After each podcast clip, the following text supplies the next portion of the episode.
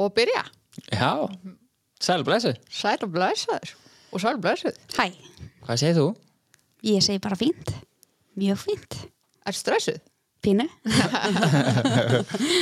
Það er alltaf gaman þegar maður þú veist, setur rekk á, st á stað þá svona breytist allt andrúslafið. Já. Það er svona, Smá. allt í hennu heyrir maður bara nálin að detta inn í, inn í stúdíói, sko.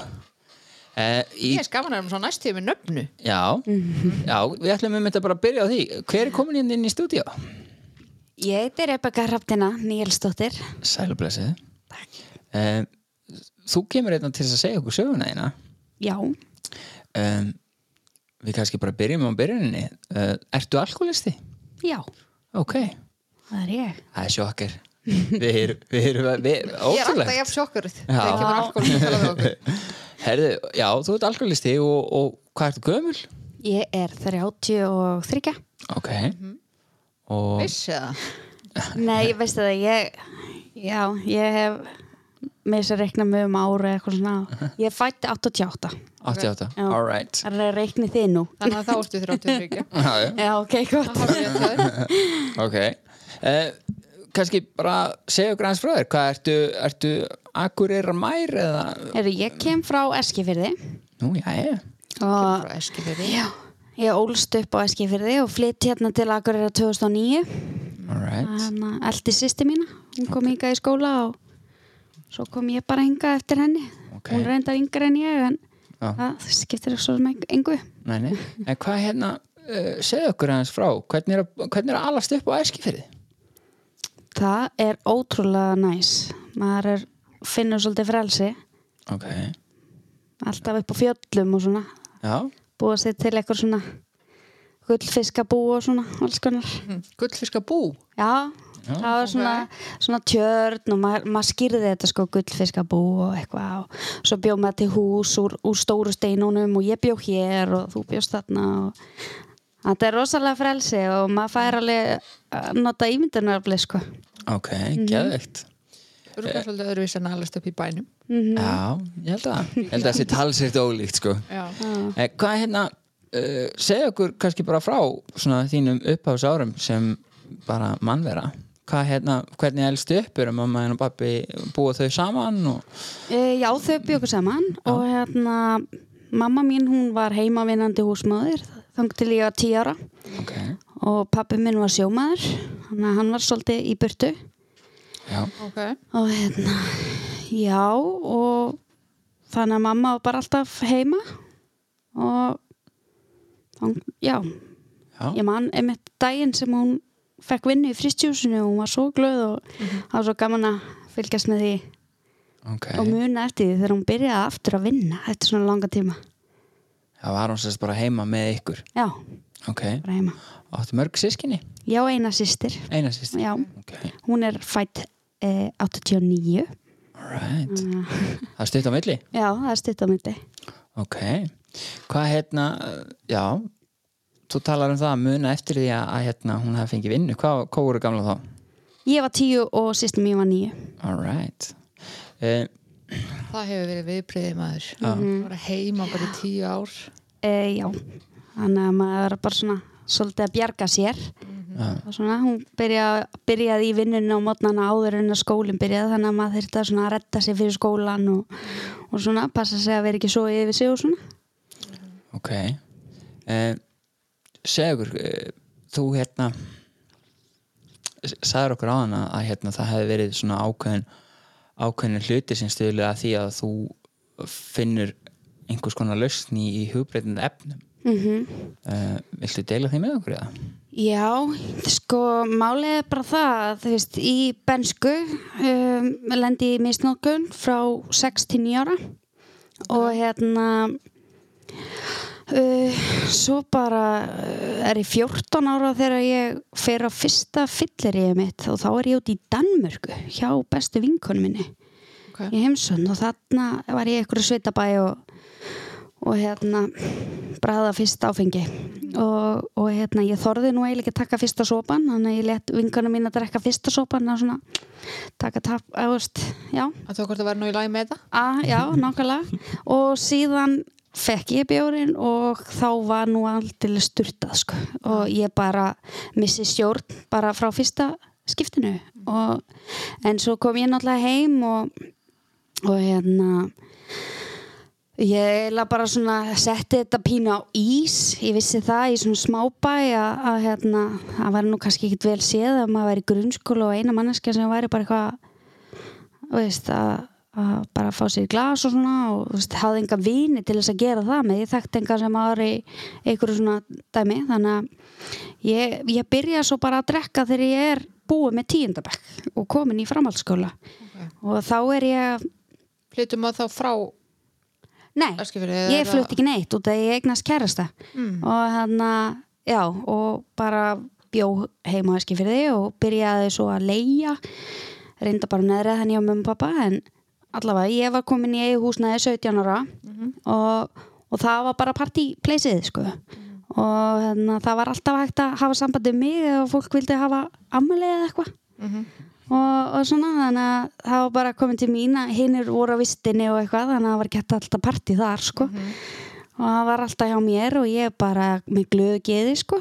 En málið er það að ég var bara ógeðslega mikið að vinna var í þremu vinnum og, og fór í bootcamp og var í skóla og veist, þetta var allt í þremu bæjum sko, Eskifjörður og Reyðafjörður bootcamp og, og Neskustæður skólinn, þannig að ég var bara alltaf keirand á milli að gera það sem ég þurfti að gera og, en svo komu helgarnar og þá átti ég nú aldrei skilja að þetta aðeins í það sko. Já, búin að svo duglega alla vikuna. Já, búin að vera rosa duglega allar vikuna og, og, og þannig byrjar þetta bara og þetta er eiginlega hverja helgi sko. Og hérna, eða svona með kannski hljöfum ef, ef ég þurfti og, og, og svona út að vinnu eða eitthvað svo leis en, en hérna og svo var ég náttúrulega bara í sambandi líka þannig að maður var svona held sér svona aðeins á jörðinni þó að maður misti kannski tökinn þegar maður dætt svo í það.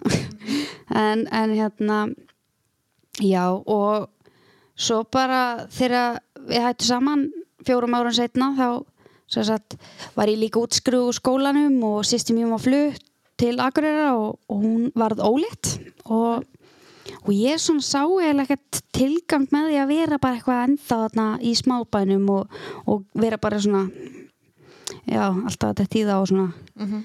alltaf eitthvað koma alls konar sögur og eitthvað þannig að ég bara flýtt til Akureyrar og, og hérna alltaf bara hjálpa henni og, og fá mér bara vinnu og gera eitthvað alveg nýtt Mhm.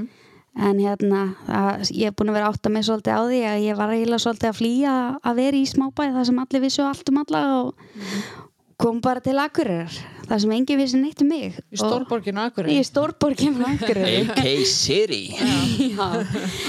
En hér er gott að vera samt og, en hérna það þekkti mig engin og ég bara var að leia og svona og alltaf að djamma um allar helgar og svona. En hérna hjálpaði svo sýsti mín alltaf þegar hún eignaðist svo barni sitt. Að hérna já og svo, satt, svo bara var lengdust alltaf helgarnar. Já. lengdust helgarnar þeirra á leið og, og hérna urðu sko ekki bara föstudagur og laugadagur það eru yfirleitt kannski fimmtudag líka út eða fimm í fötu og svona. Að hérna pubquiz eða eitthvað veist, alls konar. Þannig að ég bara, eitthvað, já það er allir að gera þetta. Þannig að ég get alveg gert þetta líka. Já. og, og svo kannski þegar það verður miðvíkundagina líka það var svona svolítið stíft og að reyna að vera í vinnu sko og allt það. Að hérna já, ég gaf mér alltaf veist, út að ég reyndi alltaf að vera dugleg ógslafa dugleg. Þannig að ég var yfirleitt í einhverju vinnu og svo annari vinnu með. Já. og hérna þá gaf ég mér eiginlega alltaf bara leifi til þess að vera að drekka og, og svona. Og, Áttur það svolítið skilið? Ég átti á rosalega mikið skilið og, og hérna já. Svo hérna ég var alltaf að gera bara sjálfur mér eitthvað og áttaði mikið á því hversu mikil áhrif það geti haft á aðra. Eh, þegar ég var kannski að þú veist fara í blackout og, og ég var yfirleitt að ég var, ég, kom alltaf heim með tíumarbletti sko. Og ég var alltaf bara eitthvað út um allt sko þannig að þú veist, ég hugsa alltaf bara vá, þú veist, að þetta er bara ég, ég er ekkert að fara nýri bætis að lemja eitthvað neða neitt, þú veist, ég er ekkert að gera neitt af mér. Og, og svo, svo náttúrulega bara opnuna tími í ríkinu þannig að ég var ekkert að gera neitt sem var ólöglegt eða neitt, þannig að ég bara gerði þetta. Og líka allir vinn mínir og svona voru líka alveg að djama og en reyndar yngri en ég en það skiptir svo mingum máli en, en já, ég bara held þessu áfram Þannig að Og- þú er rauninu upplifur eins og að því þú væri bara að skada sjálfa þig að þetta hefði ekki áhrif á neitt annan. Já, að- það var alveg þannig. En já, kannski til þess að spóla aðeins aftur þá, þá lendi ég sérst aftur í, í naugun hann að fyrir ekki að e, bara í tíundabekk og þá er ég líka undir áhrifum sko. það var svona e, það var eitt skipti svona áramótin sem að var að gera með bekkjafélagunum og svona. Var einhvern tímann unnið úr eitthvað þessum áföllum? Nú ertu búin að Eh, nefna já, ég fór- mörg áföll, stór áföll. Já, þarna þegar þú ert ung. já, ég sérst bara byrjaði hjá barnáfsálfræðing þegar ég var nýjara Hugo Þóris heitinn. Já, og hérna og hann hjálpaði mér alveg rosalega mikið. Ok.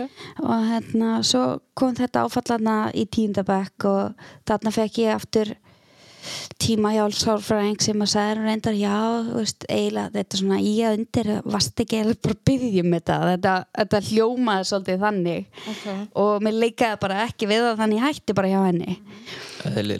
Að hérna, já, sérst, og ég bara en já, ég bara já, ég fannst ég einhvern veginn hafa bara unnið úr þessu út ég spjallaði, við töluðum saman og svona eftir á og, og einhvern veginn já, það var það eiginlega bara gott sko, allt í, allt í lagi svona andrúsloftið og svona og þetta var be bekkja bróðum minn sko og þurfti að klára skólaárið og Já, svona já. þannig að já, það var það einhvern veginn þannig, bara fínt sko en, svo að þú hafir sem sagt farið að leita svo eftir þú Já. klárar grunnskóla Já. í áfengi til þess að deyfa þig. já, það var bara svona til þess að bæði að deyfa svona tilfinningar og eitthvað svona. Þú veist, ég fílaði ekki alveg að vera svona sorgmænt eða eitthvað þannig að ég vildi bara vera glöð. Og ég varði yfirleitt glöð alveg fyrst sko þegar ég var að drekka á svona.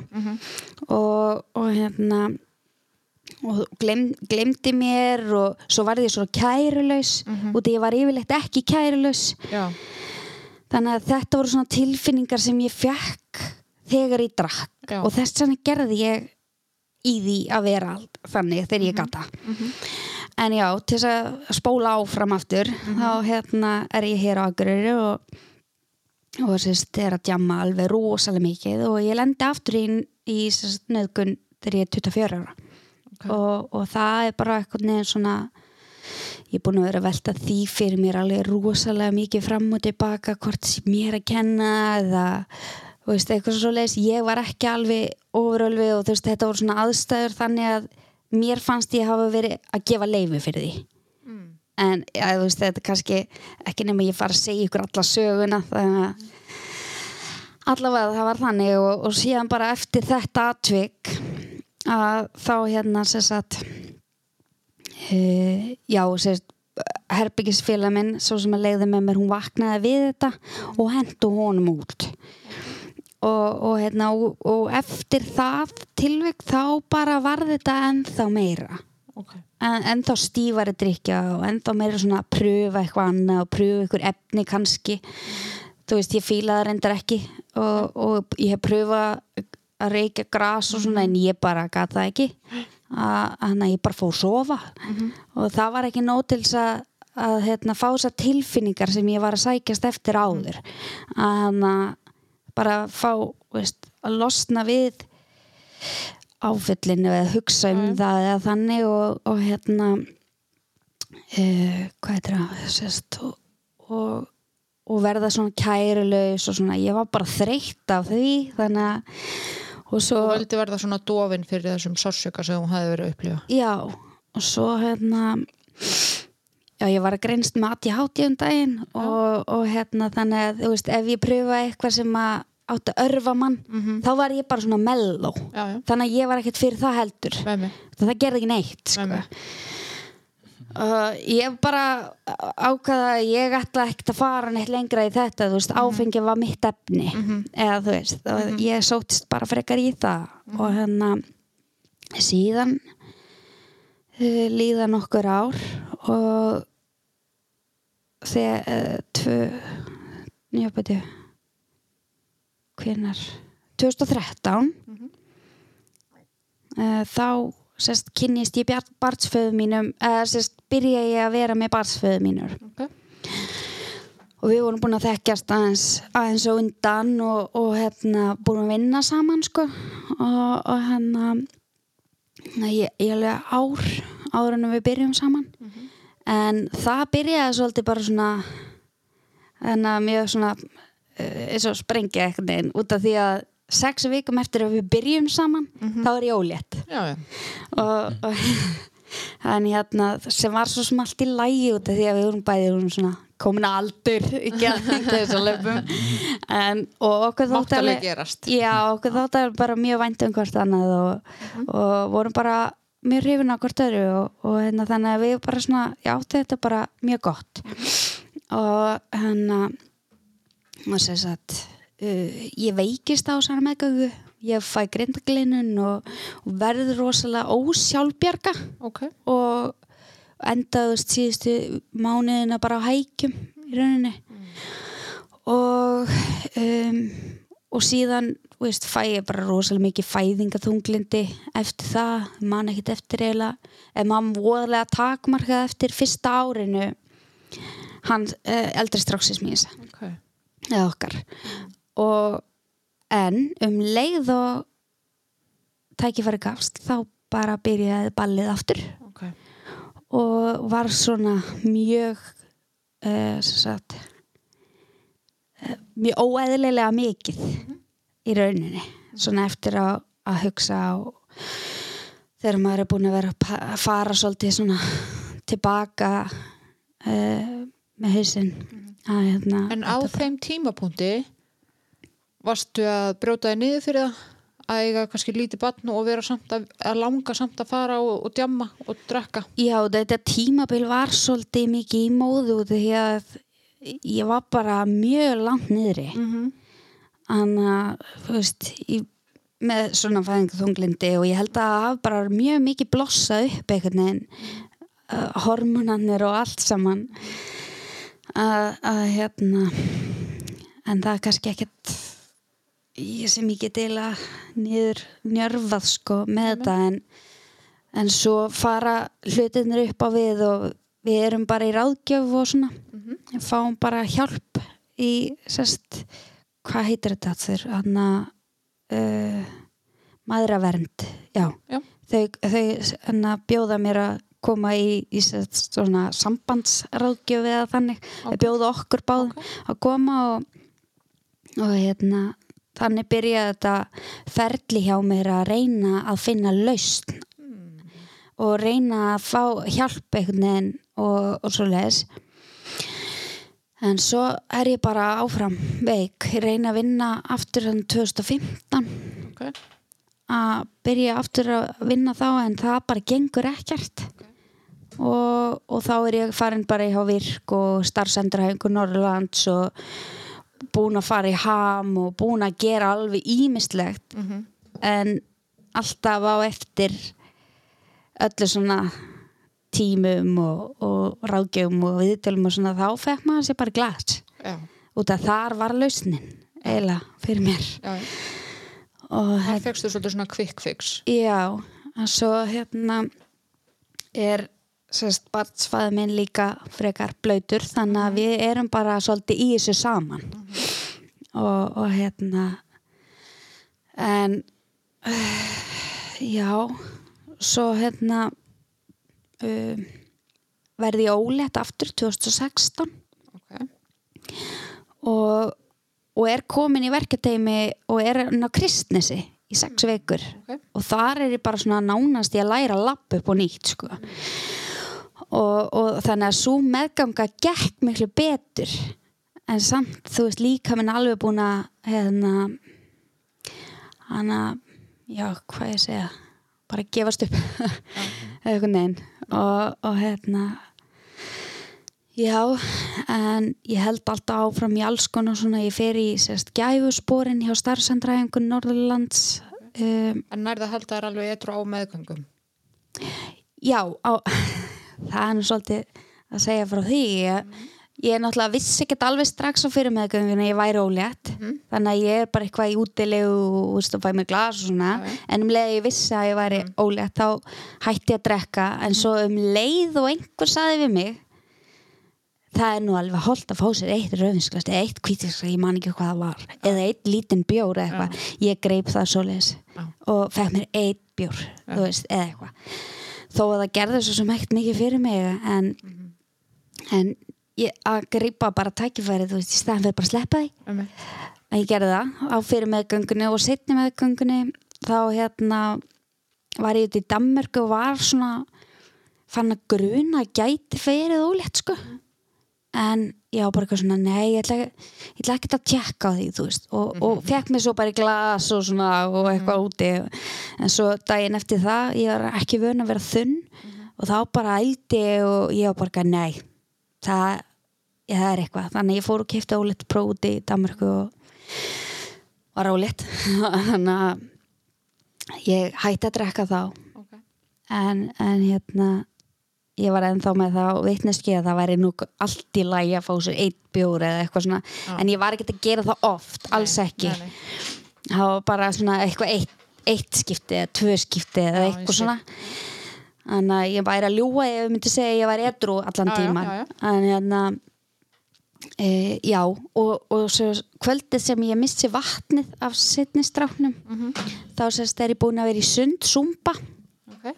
og hérna kem svo heim og, og er bara að fara að slaka aðeins á. Og, og hérna fæ mér nammiskál og, og ég fæ mér kvítisglas, eh, ég helli í kvítisglas svo bara búf og fer vatnið. Já. og ég bara, uh, og ég var ekki búin að fá mér sopa sem betur fyrr og þá kom sjúkra bill og sótti mig og, og hérna já, þannig að en já bara svona til þess að vera alveg heiðaleg með, með það að hafa ekki verið edru en, en báðar fæðingarnar voru rosalega erfiðar. Okay. Að hérna tóku báðar alveg þrjá daga sko frá því að ég kom upp á sjúkrós Fekk. þannig að Sætt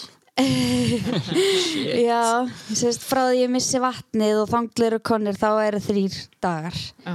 og setni, með, setna skipti sem ég missi vatnið þá e, þeir eru báður ó, óskorðaði sko. þess vegna er ég mm. tekið með sjúkrabíl bæðskiptin og þá má ég ekki setast einu sinni upp Eru það ekki teknir með 27 keisara? nei ég endaði svo á það ég eignast það. En ég má ekki eins og setjast upp í 27 klukkutíma í setna skipti þá ég þurfti að pissi í kopp og eitthvað.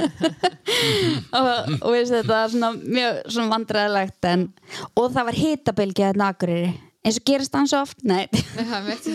Nema þegar við komum. já. En það var hitabilgja þarna í setna, skipti sem ég er að eiga og, og ég mátti ekki setja og upp. Það var hræðilegt tengda mamma mín, hún kom með viftu þannig að hún bjargaði eiginlega svolítið miklu þá. En þannig að báðar fæðingarnar hafa líka áhrif á þú veist það, eitthvað svona líðan ég veit ekki alveg en þannig að, já og svo sér satt um, hvert var ég eiginlega komin? Þannig ertu búin að eignast setna vatnið þitt. já. Og Hvernig leiðir eftir það?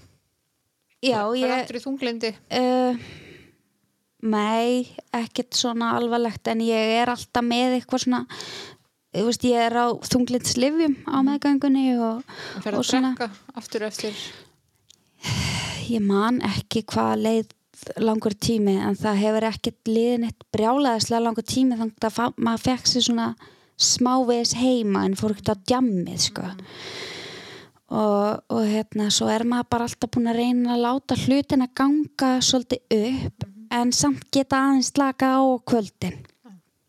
Uh, já og en svo sérst, giftu við okkur 2019 þetta hann fæðist þarna 2017 þannig að tveimur árum setna þá erum við að gifta okkur og, og hérna þannig erum við þá erum við byrjuð að drekka ansi mikið. Ok, ég og maðurinn minn. Og hérna já uh, bara mjög óeðlilega mikið. Og strákanir eru mjög mikið í pössunum og svona. Og hérna uh, já og maður svona maður pínu fær mórar alveg yfir þessu sko.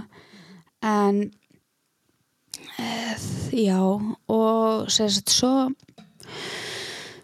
Ég ætla bara að fá að stoppa aðeins. Ég ég ætla bara að segja, ég sé að þið finnst þetta erfitt. Finnst- Já. ég sé að þið finnst þetta erfitt og ég ætla bara að segja veistu, það, það er þýlíkt hugur ekki fyrir að vera heiðaleg veistu, það, það er svo mikið af fóreldrum mann úti sem setja börnin ekki í pössun það er svo mikið af fóreldrum mann úti sem eru veikir sem að uh, viðurkenna ekki vannmáttin og, og koma ekki og deila því og, og ekki. Þannig að bara þú veist, verður stolt að sjálfur þér þar sem þú ert í dag. Þú ert ekki þarna.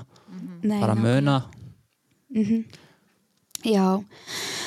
Um, uh, Áfengið breytti okkur svolítið mikið og við náðum aldrei að leysa úr neinum vandamálum nema að vera með í glasi eða eitthvað svo leist þannig að hlutinni fóru að vera bara svolítið slæmur og mikil tókstreita á milli okkar og svona. Og, og hérna og þetta er bara farið að vera út í bara mjög óeðlilegt samband. Og hérna uh, við sem sagt við skiljum að borða seng í fyrra. Ok, og, og hérna við kjölfara af því þá hætti ég að drekka. Ok. Og hérna uh, já. Og og barnavend kom inn í málið út af því að veist, þessi tókstreit á milli okkar hafði áhrif á börnin og, og svona að, hérna, við fengum bara strax eiginlega svolítið aðhald utanum að halda svona í gegnu barnavend Má ég spyrja það eins út í það? Mm -hmm. uh, að því að fólk hefur svolítið svona misjafna skoðun á barnavend og barnavend er oft notað sem svolítið gríla Mhm.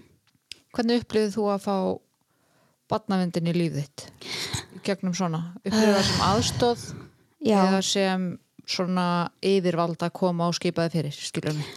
Nei, ég var einmitt sko mjög hrætt við að ringja í lögreglu eða eitthvað eða það var eitthvað spenna á heimilinu sem ég réð ekkert við og svona hérna, Var spennan sér stórðin þannig að það var kannski ofbeldi eða, eða yfirildi já, hávar yfirildi og, og, og sem að leiti bara út í alls konar vittlisu og hérna og strákarnir voru á heimilinu þá.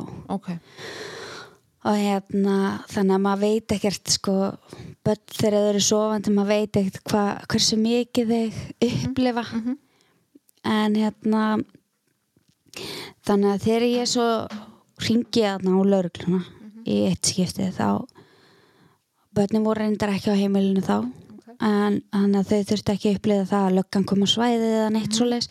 En, en hérna það sem ég segi við laurugluna þetta gerist allt, þetta verður bara eitthvað svona hjól sem fer á stað og kom aður til að taka skýslu á okkur og, og, og svo var það sendt í barnavendanemndar sem hafði svo strax samband við okkur og, og, og svo leis en ég var alltaf svo hrætt um að hafa samband. Og út af því að ég held að ef að barnavend kæmi inn í máli að ég myndi missa börnin. Mm og, og hérna en það er bara svo alls ekki reynin en veist, það er bara, lang, bara nánast aldrei sem það virkar þannig. Nei. Og, og hérna mín upplifun að barnavend er bara frekar góð sko. Ok, gott að heyra það. Að hérna já og ég bara byrjaði að tala við þau og, og svo feng, fekk eldri strákurinn sérst hjálp. Okay, og hann fekk sérst viðtöl sem heitir tröppu viðtöl og átti að koma og hitta hana einsinni viku til þess að læra að tala um tilfinningar og tala við fullorna og þetta var bara svona ég var ekki að koma og fá skýslu frá honum eftir tímana eða neitt, þetta var bara algjörlega hans en það, þú veist, það voru ég fann alveg breytingar á honum á meðan hann var í þessu. En í dag þá á hann alveg auðveldara með að ræða hluti við mig. Já, þegar hann, þú veist, gefst í það. En hann er sjö ára úlingur sko. Aha, þannig að veist, það er alveg drama og allt sko. Já, en, en hann ásamt auðveldara með að ræða um tilfinningar. Þannig að barnavend á alveg bara mjög mikið ski- eða, þú veist, hróskili fyrir það að hérna, geta hjálpað en, en hins vegar á yngistrákunin fjögur eða þryggja ára og ekkit úræðið þú veist þannig til fyrir hann þeim tíma þannig að maður er bara undirbúin yfir því að þurfa jafnvel framtíðin að gera einhverja ráðstafanir. Og hérna allavega þá hérna uh, já sem sagt hann, hann yngri strákurinn hann byrjar ekkert að tala að viti neitt fyrir núna bara þess ári sko og hann far sagt, tíma hjá talmennafræðing og uh, orðin rannast inn hjá honum en veist ég hef sagt að kendi yfir því að ef, að ef ég hef haft eitthvað þátt í því að hann á erfitt með að tala eða þannig og það hafi verið einhvers konar vannræksla út af algjörlega. heimilinu. Út af því að drikkin hjá okkur báðum mér og pappans er svo mikil þegar hann er svo ungur og, og í langan tíma. Já. þannig að ég er svo hrættum að það hafi áhrif á hann. Þannig að ég bara þú veist í rauninu bara þurfti að taka svolítið ákvörðun. Þannig að þurfti ég að gera eitthvað í hlutunum. Og hérna í upphafi gerði ég þetta fyrir aðra. Að að, hérna hætta bara að drekka. Ég, ég ætla nú alltaf bara að slaka aðeins á og, og svona ég, ég var nú ekki að fara að hætta fyrir lífstíð sko. Það var alls ekki, ekki meiningin. Ég ætla bara að slaka aðeins á og, og læra aðeins inn á þetta en Það er svona á stjórn á þessu. já og, en hérna uh, síðan bara ég fór í þetta og, tveimur mánum eftir að ég er komin hann inn í AA samtökin þá hérna þá er ég bara búin að hlusta og hlusta rosalega mikið og ég sé það að ég þarf jafnvel kannski að fara í gegnum þessu spór sem er að tala rosalega mikið um og svona. Að ég fæ með trúnaðakonu og byrja að lesa bókina með henni og svo förum við í, í kjölfarið í gegnum spórin og ég er svolítið lengi í spórunum þannig að það er spór fjögur þá þá að gera listana sko. Það tók mig svolítið langan tíma ég alveg ég þurfti sko að muna eftir öllu. Þannig að ég, það tók mig alveg fimm vikur að skrifa þessa lista. Já. uh, og það ég vildi ekki missa af neinum en auðvitað hafa bæst við fleiri inn á þennan lista og svona og alls konar lista og eitthvað eftir á. En þarna var ég að gera mitt allra besta á, á þessu tímapunkti sem ég var á. Og, og eins heiðarlega við sjálfa mig og ég gat á þeim tímapunkti að hérna að mér varst svolítið fyndið svo hérna, þremmu mánuðum eftir ég byrja í spórunum þá fer ég austur og hitti bestu vingunum mína og ég fer aðeins í gegnum þetta með henni og til þess að útskýra fyrir henni hvernig þetta ferli væri sem ég var í. Og, og fer yfir þess að þú veist, út af við gerum svona spurningalista og svona fyrir fyrsta og annars spór og eitthvað, þú veist. Þegar við erum að viðkenna vannmátt okkar og gárt áfengi og við getum ekki stjórnaði lífi og svona þá að þremmu mánuðum eftir ég byrja í spórunum þá er ég bara, hver var eiginlega að svara þessum spurningalistum? Og því að ég var bara, hugafæri mitt var bara, bara mjög breytt á þessum stutta tíma. Að ég var bara, ég myndi ekki svara þessu svona núna sko. en ég myndi svara hitt eða eitthvað Já. og hérna en þetta ferli er búið vera alveg gott sko. Þroskandi. og mjög. Eh, og eins og ég hef búin að segja við ykkur hérna að ég er búin að fara í alls konar, búin að fara í ham og búin að fara í veist, eitthvað uh, hérna, gæfuspor, starfsendræfingu bara alls konar prógram búin að vera hjá sálfræðing bara eh, mjög mörg ár og svona, en að það skila aldrei þeim árangri nema að ég þurfti bara að fara að drekka aftur, eða þú veist það var lausni mín, en svo var það aldrei neitt betra. Þannig að en síðan ég fór í gegnum sporin og gerði það eins heiðarlega og ég gat að hérna þá þarf ég ekki áfengi lengur. Veist, það er bara þannig í stöðunni hjá mér allavega.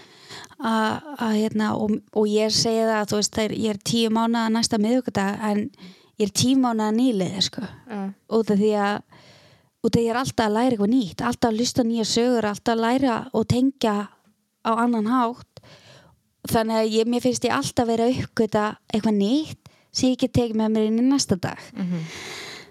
Þannig að mér veist ég alltaf vera nýlega en ég bara fæ annan lit á pening sko næsta mánuði skilur en, en hérna já og, og hérna. Hvernig leiðir þú fórst á fyrsta funduðinn? ég var mjög stressið, ég fór á nýlega fund og já, bara með hjartaði brókunum og, og svo þegar ég þekkti tvo á fundinum þá var ég bara, nei, guðmgóður þetta get ég ekki, sko. Að ég get ekki fara að segja eitthvað, ég, þú veist, hvernig ég er og nei, þannig ég var ekkert að tjá mig neitt eða ég man ekki einu svona hvort ég gerði eitt, eitthvað, sko. Upplifið þú eins og það var einhver að fara að dæma þig Já. en þú varst samt ekki að fara að dæma hina Já, alls ekki, ég var ekki að fara að gera það. Nei. ég var bara að vera, vera Þess að að ná fyndi hvað maður hlusta heldur alltaf að allir sé að að dæma mann en maður er kannski ekki að að dæma einn annan. Mm og það var alveg þannig sko. og, og hérna og í dag uh, nei, á, á þeim tímapunkti þá var ég bara, nei, þú veist það er, þess, veist, það er ykkur sem er búin að gera þetta og hitt og eitthvað svona, veist, ég get ekki alveg hlusta á hann en núna í dag eftir að fara í gegnum sporin og, og lifa í samkvæmt þeim að ég mér þetta bara ekki eins og í huga að dæma eitthvað annan þó að hann hefur kannski farið í fágelsi eða, eða e, bara hvað sem er í rauninni út af því ég veit að þetta bara þetta er bara uh, manneska sem er með sjúkdóm sem hann ræður ekkert við og fær hann til að gera kannski hluti sem hann er ekkert vanlega að gera. Og þú veist, ef hann tilbúin til þess að fara að laga það þá er hann bara svo velkomin að setja við liðin á mig sko á fundi. Að hérna bara, já hann að já, ég bara get ekki dæmt neitt annan bara alls ekki. Jafnir.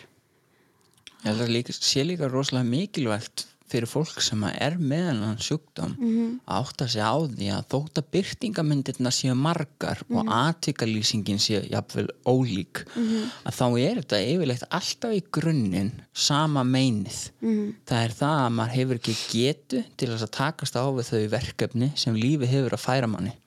Og maður einhvern veginn fer í það að fixa það með því að nota hugbreyndið efni til þess að annarkort losa sig við tilfinninguna losa sig við sásökan losa sig við fortíðina losa sig við kvíðan sem er framtíðin mm skilur þannig að maður er alltaf einhvern veginn að reyna að fixa eitthvað af því maður hefur ekki tækið að tól til þess að takast á við það sem lífið er að hendi í mann. Algjörlega. Og þa þá, þá kemur alltaf inn það skiptir í raun og verið einhver máli hvað þú gerir þegar þú ert, þú veist, ef þú gerir þetta og fer í svona neyslu eða þú nota þetta efni eða gerir hitt eða þetta. Kannski voru að leysa ólíka hluti, ólíka tilfinningar ólíka aðtökulýsingu en á sama tíma þarf það samt alltaf hugbreytend efni sem leiðir af sér að þú missir stjórn og þú nota meira og meira og fær huglega þráki Já, nákvæmlega. Og það er bara einmitt það þegar að tala um þú veist kvíðan og svona að ef, að, ef ég ætla að vera í góðum bata þá verð ég að lifa í núni í deginum í dag og því ég ætla að vera edru í dag uh, ég get ekki hugsað um morgdægin eða viku setna eða mánuðum setna eða eitthvað þá er bara kvíðinni við því. Og ef ég ætla að fara að hugsa alltaf um hvað gerðist og, og eitthvað svona það hefði verið betra að þetta gerðist eða eitthvað svona þá er bara þunglind þannig að ætli ég að vera þunglind eða ætli ég að kvíðin eða ætli ég bara að vera í núinu. Þannig að- og það er bara svolítið þú veist sem að ég er að taka inn í alla daga. Að við erum bara í deginum í dag að hérna og eins og ég var veist, út að ég er rosalega kvíðin manneskja. Okay. og, og ég þarf alltaf að fá að vita allt fyrirfram eins og þú veist þegar ég var byrja í spórunum þá, þá var ég já og hvernig virkar þetta spór og hvað, hvað, hvað ég var svoleiðis að fara að stjórnast sko þessu og- að hérna, ég þurfti að fá að vita allt og ég gæti ekki verið bara í spórinu sem ég var að taka hverju sinni. En, og alveg eins með það hérna ég hafði svo rosalega ráhyggjur á því hvernig ég ætlaði að hafa efnaði á jólunum sem voru eftir þrjá mánu eða eitthvað svona. Þú veist, bara alls konar svona fjáraságjur sem að voru bara svona ok, ætla ég að gera þetta? Í lengur sko, er, núna sem ég hugsa.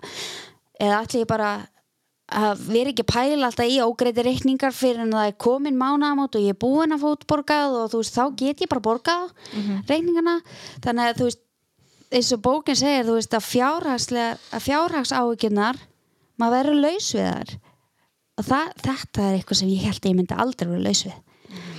A- Varstu laus við að- þær? Ég er alveg laus við þær. Ég er bara engar ágjur okay. út af því að veist, ég er bara skynsum Mhm. og hérna já, ég er bara Mér finnst þetta alltaf, þetta er svo gott að þú segir það að því sko, málega það, þú getur ekki gert neitt í framtíðinni. Nei, þú getur ekkert gert, eina sem getur gert er gert það sem getur gert núna Mhm. -hmm. að því núna er eina, eina augnabliki sem er mm -hmm. að því þú, þú er rauninni framtíðin, hún er bara að koma skilur, hún er ekki, þú veist, hún er ekki komin þú getur ekki stjórna því, Nákvæmlega. eina sem getur gert er að stjórna núinu Já. og ef þú tekur stjórnið á núinu að þá, ef þú ert skinsamur og gerir þitt besta, þá blessast þitt já, Veistu hvað þetta minni með álinur? hvað, Kvóti sem ég gerði eins og þú fórst að hlæja mér hvað ef þú alltaf með annar fótinn í Já. framtíðinni og hinn fótinn í framtíðinni þá er alltaf pissand á núið. Nákvæmlega. Þetta er ekkert að já, þetta er nefnilega þetta er bara meika algjörlega fullkomi Já. Já, ekki pissa á núið. Ekki Nei, pissa á núið frekar. Nákvæmlega. Ég er með hérna eh, vá, ok, ég var að fara að segja eitthvað en ég glemdi En, en, en ég ætla samt að segja þér ég, ég tók strax eftir því að þú hefur tilhneingu til kvíða þú, það sést þú, þú, berða með þér að þér er andum að hlutinni fari vel. Og mér finnst það svolítið svona kvíði er í raun og veru að manni er ekki sama um það að maður, veist, ma að maður standi sig. Veist, og, kvíði getur einhvern veginn oft líka verið bara svona merki um það að maður sé samviskusamur.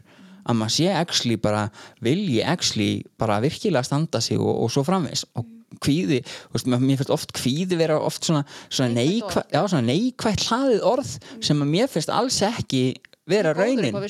já, já, og, veist, og það að mann sé andum að standa sig og maður sé að gera hlutina vel eins og þú talar um þetta gagnaðist þér í spórunum þótt þú hafi kannski verið óþálega mikið að spá í framtíðaspórum skilur, en þá ertu samt að þú, þú ert að pæli þessu, þú, þér er ekki sama skilur, þú ert að pæli þessu að því þið langar að gera þetta vel. Og það sama eins og samvisku sem er í fjórðaspórunu skilur, það, og málið er það, það er mælt með því að þú gerir þetta eftir bestu getu. Og, og þú gerði þetta og það hefur það væntanlega skilað þér alveg gríðarlega. Og þú hefur væntanlega kynst sjálfur þér ótrúlega mikið í spórunum því að þú hefur verið heiðaleg í þeim. Og þú hefur væntanlega komist að því að þú hefur gert fullt af hlutum sem hafa komið þér í fullt af aðstæðum og alls konar tilfinningar eru oft uppsprotta frá einhverju sem þú jafnvel gast breytt og svo sumt ekki það er nefnilega málið sko og, og hérna eins og til dæmis áttundarspórslistarnir að hérna einhverjum sem maður hefur skadað og þarf að fara að bæta fyrir þrótt og svona. Að, og það ég var alltaf svo föst í þeirri hugmynd að ég hefði bara verið að skada sjálfa mig og var ekkert að gera neitt annað. Ég glemdi að segja ykkur það, ég flytti til Danmörkur í tímánu og hérna 2010 og þar var ég á ykkur útofn sko. þarna var ég komin í ykkur stórborg og enginn vissi neitt um mig. Að, hérna, og ég bara úst, og ég er í Danmörku það má trekka bjóri í hátteginu sko. Það er sko bóðið upp á bjóra fóreldra að fundum í grunnskólum. Já, en ég var auper þannig ég var hugsa um þrjá stráka sko. En ég var bara með eitthvað ákveðin tíma og svo var ég bara með frítíma þar á milli og, og ég náttúrulega var bara samvinskusum og, og hérna stóð mína plikt og þreif ógæsla vel þegar ég þurfti að þrýfa íbúðuna og svona og, en svo var ég að drekka rosalega mikið inn á milli og eignaðist fyllt af vinkonu þarna og, og ég man ekki hvað ég var búin að vera þarna lengi. Ég, ég var ekki fyrir hann að kynnast nefni vinkonu eða neitt þegar ég hérna, enda á spítala uh, ég sérst fer á, á bar lokalbarinn í svona semi-smábæ, finnús manns. Og það var bara eitt bar og það var eitthvað uh, veist það var eitthvað svona lengri opnun og það var eitthvað diskotek sem var bara aldrei aðna og ég bara ákveði að skjótast þangað. Var með x mikið pening með mér og það ég var alveg með budget og svona. En ég fór samt í netto og kefti mér eina hérna, bakkar til rasko áður út af að hún ódýrar en netto og ég faldi hann úti. Þannig að ég skauðst svona út þess að fá mér smá bakkartí og, og svo kom ég aftur inn og, og kefti mér bara bjór út af ég var með budget sko. En, en svo fann ég eitthvað peningabarnum og, og hérna ég f- fyrir þennan pening þá kefti ég skot fyrir eitthvað borð sem var þarna og ég var bara eitthvað hei þú veist, eitthvað svona. Að, að, hérna, og svo er ég bara eitthvað að dansa með þeim og eitthvað og gaman og svona og, og alltaf að fara út að, út að ég rektið á þeim tíma sko. Það var alltaf að fara út í sík og fá mér einn bakardi sko, hana, sjús og svona. Og, og kom og svo vaknaði ég fimm bæjum í burtu út af því ég fannst þremur bæjum í burtu í snjóskapl af snjóreynskonu morgunin eftir. Sælir. Þannig að eftir þetta budget fyllir ég á mér að henn þá bara er ég á sjúkrahúsi og, og ég veit ekki eins og hvað ég er út af ég bara þekki mig ekki ég þekki ekki staðhættið að nóti í Danmarku það mikið á þessum tíma og búin að vera svo stuttan tíma þarna.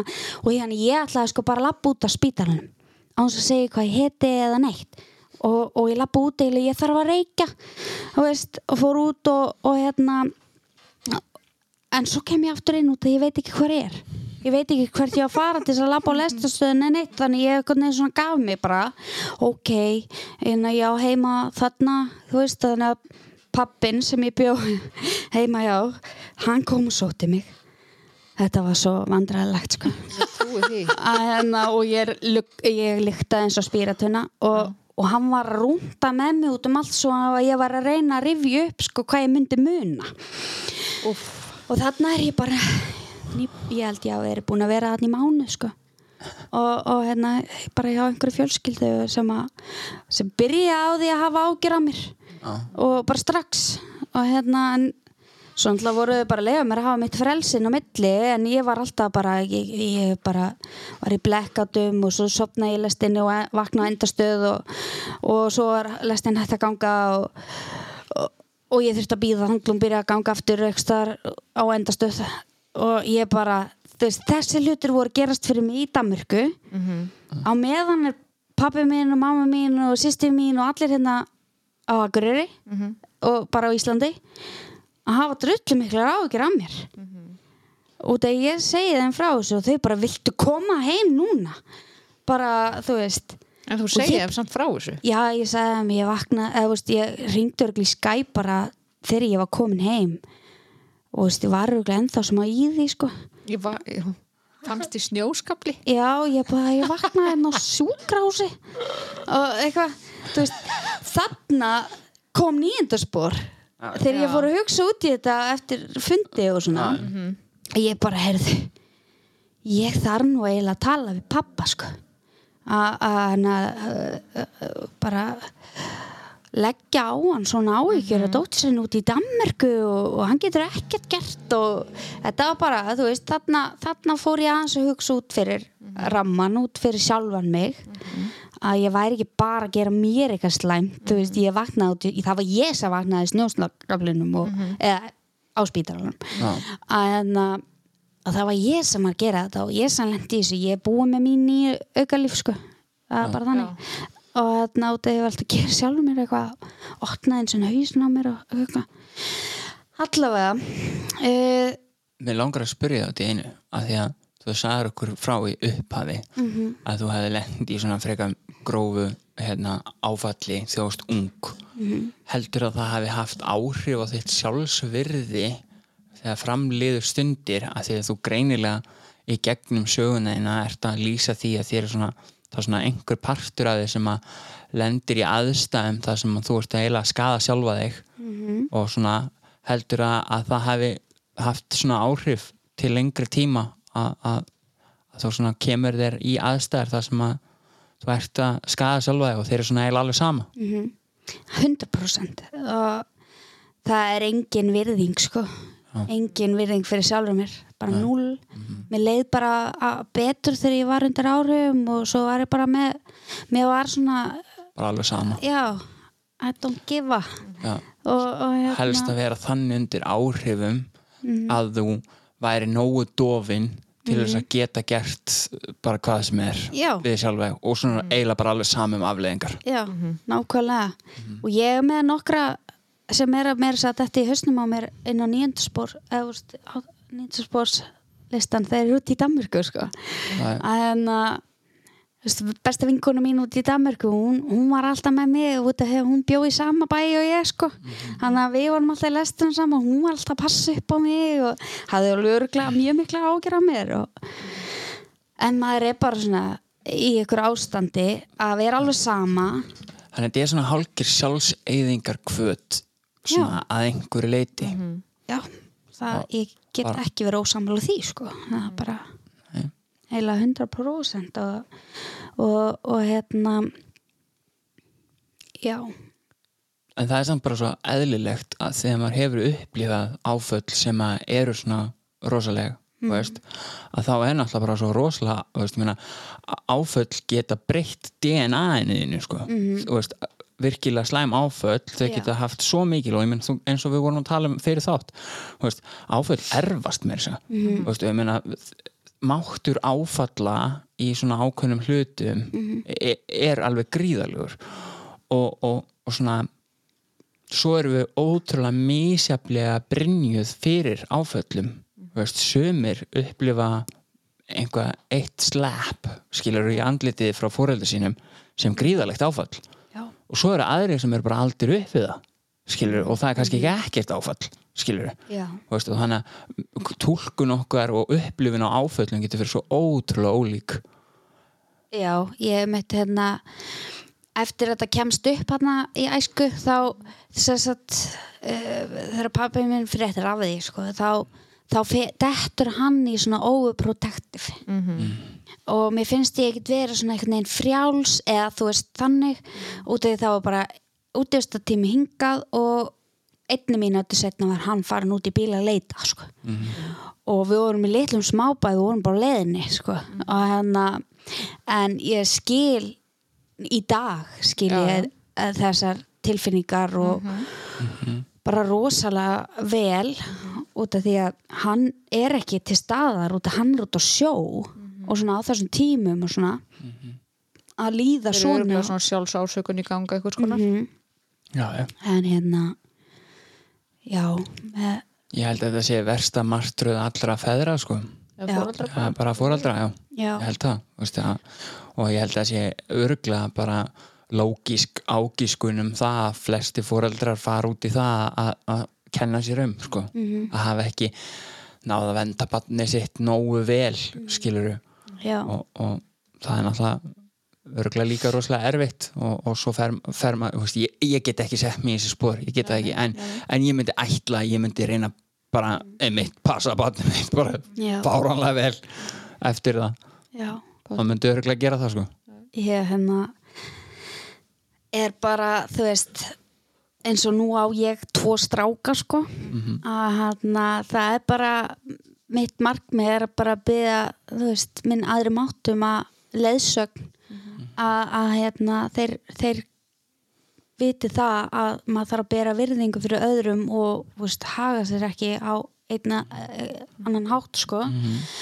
Og hérna, hvað er rétt og hvað er rámt og svona, það er bara mitt hlutverk núna í dag.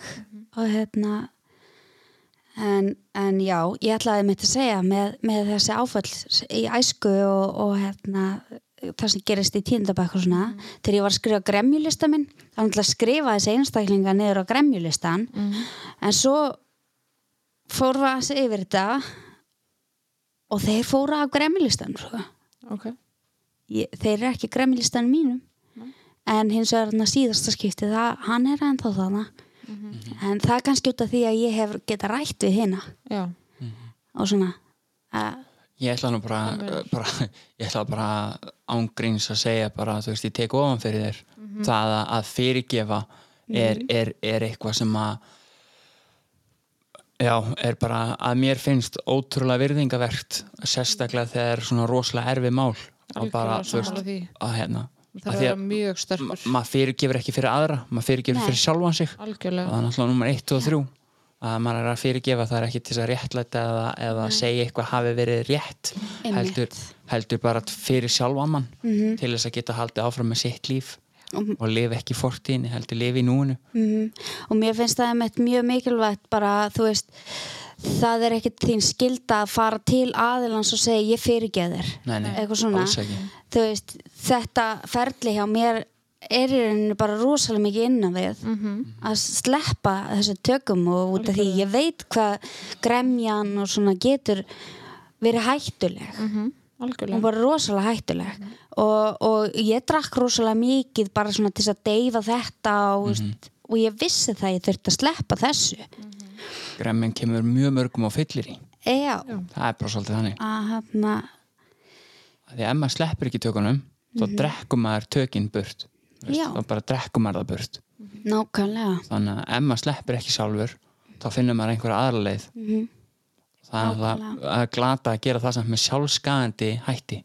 Já, að því að þegar maður drekkur sig í, í að gleyma svona eða dopna frá svona þá er maður náttúrulega að skada sjálfan sig og þú veist, maður er ekki að sleppa veist, þannig að það kemur þetta er svona double mínus sko. og maður er bara að skaða sjálfa sig og þá sem elskar mann Já, sko, og sem maður Já. elskar út af því að baku hvern alkoholista eru hundra einstaklingar. Þannig að þó að maður vill kannski ekki viðkenna það þú veist eh, hérna, ekki að Að maður sé- stendur. Nei, alls, Alls ekki, þá, sko. en hvernig er staðan í dag? í dag? Já, ertu eru þið basfæðin ennþá skilin? Já, við erum ennþá skilin bara að borða á sæng og, og hérna, við búum í sikkurum stað og svona en Okay. hann er edrú núna Frábært. og, og sem sagt, gengur bara vel hann er í spórunum og, og ég verða sleppa svolítið tökunum af stjórnseminni Mhm. að, hérna, að vera ekki bara þú verður að gera svona, svona, svona, svona, svona. þú veist út af því að ég er búin með þetta og þetta, þetta. Það, er- það bara gengur ekkert maður verður að finna þetta sjálfur Já, Já, að hérna, það gerir þetta enginn fyrir mann sko. Nei. Kunstin er líka samt, ég skil svo vel að vilja sko, þetta er svona, þetta er svona mitt á milli þess að langa til þess að hjálpa -hmm. en líka stjórna. Algjörlega, Það- þetta er þetta er búið að vera svona þetta er búið að vera svo mikið þannig að ég, ég veist, ég sá vindin daginn að ég sagði, ég vil ekki vera meðvirk en ég vil heldur ekki vera stjórnsum hvar er balansin hann og þannig að ég bara, ok, ég verð bara að tala við minn Arði Matt til þess að leiða mig í gegnum þetta. Og hann hefur svo vissulega gert það. Og hérna en, en það hefur náttúrulega verið þú veist, út að við eigum átt ára sögu saman að það er svolítið erfitt að segja bara herðu, þú gerir þetta bara. Gangið vel veist, þetta er bara erfitt. Að hvað ég hérna- kalli þetta? já, Ég kalli þetta að því þetta er náttúrulega meðvirkni þú veist, en ég kalli þetta miskilin góðmennska. Miskilning Mis- miskilin góðmennska. Miskilning góðmennska. Já, að því þú ert að reyna að hjálpa honum. Já, þú veist, maður er að hjálpa manneskunni mhm. en að því maður er í raun og veru að vera meðvirkur að þá er þetta miskilin góðmennska mhm, að því að, því- að því að pælingin er alltaf svo þú veist, ég meina þú ert að gera þetta vegna þess að þú vilt honum fyrir bestu. -hmm. skilur, það er ástæðan, ástæðan hvatin á bakvið er fallegur. -hmm. veist, það er það að mann langar náttúrulega að fólkinu sem maður þykir væntum það gangi vel. En, en á sama tíma þá er maður að, að ræna þeim sko frumkvæðinu og, og, og þar með í rauninu ákveðnum þroska og ábyrð Já. á því að vera að gera hlutina sjálft. Nákvæmlega en, já, þannig að já, við sérst bara búum á sikur stað en, en við erum samt í miklum samskiptum. Við mætum saman á fundi og, Ok. og svona en, en svo er náttúrulega rosalega gott að hafa fundi þú veist, konufundi og kallafundi og þú veist, það sem við erum kannski ekkert endilega á sama fundinum. En já, þannig að ég bara tími verður að leiða þetta ljós. Ég get ekki verið bara eitthvað kvíðin yfir að vita ekki neitt og þú veist, þannig ég bara er í dag. Já, og, það og það er ágætt í dag. Og hvernig líður í dag? uh, ég er ógæslega þreytt en, en hérna en hress Ok. og glöð. Ok, þannig að það mætti segja að þú sést kannski þakklátt fyrir að vera það sem þú ert akkurat núna. Já, reyndar þú veist, svo er náttúrulega uh, út, af, út af veikindunum mínum. Þetta hefur verið stigvaksandi alveg eins og alkoholismin, al- alkoholismin að hérna nú uh, er ég í alls konar rannsóknum og eitthvað svoleiðis þannig að ég get verið bullandi kvíðin yfir að fá nýðustöðnar úr þessum rannsóknum. Það geta leitt í ljós bara alvarlega sjúkdóm sko. Og, og hérna en ég bara kýst það að vera ekkert í því. Já. að þú veist ef að það er, verður svo niðurstað ég verð með eitthvað sjúkdóm sem er svolítið alveg lögur eða eitthvað þá, veist, þá er örgulega til góð leið fyrir því og, og alls konar svona. Algjörlega. og fara bara eftir læknisráð að ég þarf að vera að taka uh, lif sem eru þrýðningsmert og ég, fe ég fekk rosalega kvíða yfir því að þurfa að byrja á einhverjum svoleiðis lifum þetta er svo margir segja þeir eru svo niðurtröppun sko út af öðrum sjúkdómum sem þeir eru með og svona.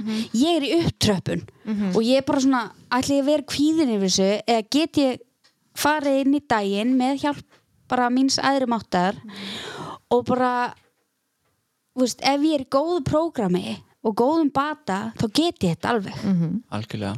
Þannig að þú veist, þó að ég sé að taka eitthvað þrýðningslif sem að þú veist, slaka á vöðunum og svona. Já.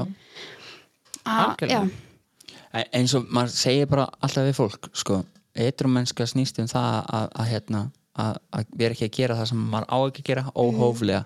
Þetta, alltaf, ef maður er að gera þetta samkvæmt læknisræði þá er maður samt að það trú nákvæmlega. Þú veist, er ég fór bara- að hugsa með mér bara uh, já, ég fór ekki að hugsa með mér ég hugsaði um það þegar ég var að byrja að vera etru hann um áramótin út af því að þá var ég að vera í matabóð það sem var fullt áfengi og þú veist, ég var ekki að fara að drekka og, og hérna, ég var bara eitthvað já, á, á maður að vera með svona óáfeng freyðivín eða eitthvað? Og ég kefti svo leis en svo var ég bara með móra lifið því. Já.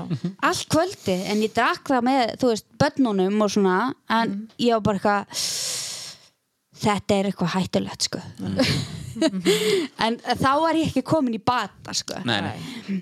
og hérna ég var bara kvíðinn og rætti framhaldinu og eitthvað svona en, en hérna í dag þarf ég ekki vera það en ég kýsa að gera þetta samt ekki og að geta storka árulegunum hérna en, en ekki að leika sér eldinum Nei, þannig að já, bara halda áfram í prógrami og meðla þessu niður Nákvæmlega. áfram Gekja. geðveikt þannig að erum við ekki bara, ertu góð? langar að segja eitthvað meir? Tími já, komið? ég bara hérna, er einmitt að meðla þessu áfram. Gekja. að hérna og mér finnst þetta svo þegar eins og ég er búin að segja aftur á, áður að hérna, ég er búin að fara í alls konar meðferðir og alls konar úræði og, og bara fullt, þannig ég hef alveg fullt að geima fulla, fullan bakpoka af þekkingu sko. Og, og fullt af skilning. Og hérna þannig að þú veist að hjálpa að losna fyrir áfengi eða þú veist, frá áfengis Bölinu. Bölinu.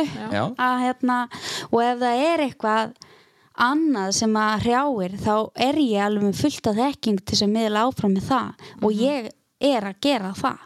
Gekja. sem er hjálpa til. Já. ógeðslega mikið. Algjörlega. Og það hjálpa mér ótrúlega mikið. Algjörlega. Þannig að það, er, það, það var einhver, einhver snillíkur sem sagði við mig einhver tíman sko, ef, að, ef að þið vantar einhver tíman lausn og einhverju erfið vandamáli hjá sjálfið þér hættu að hugsa um sjálfa þig. Fara að hugsa um einhvern annan. Nákvæmlega. Nákvæmlega, þess vegna var einmitt þetta viðtal að vera að tala um mína sögu og eitthvað svona, þú veist, ég er alveg heit í andliðinu, sko. Svo en það, já, ég meina, þú veist ef ég er ekki tilbúin til þess að miðla mín, minni sögu og svona, hvernig ég þá geta að hjálpa öðrum sem Algjörlega. að myndi kannski geta tengt við eitthvað? Akkurat. Það alveg, ég held að þessi þáttur er eftir að hjálpa fullt af fólki. Já. ég get alveg lofaði því. Að ég vona það. Fullt af fólki. Það er bara þannig. Og eins og, uh, já, eins og hérna í mínu tilfelli þá er þá er bara þá er til von, sko. Já, það er það það. er von, Það hættum að pissa á núið og það er von. Nákvæmlega. Það er bara, já. við þökkum bara innilega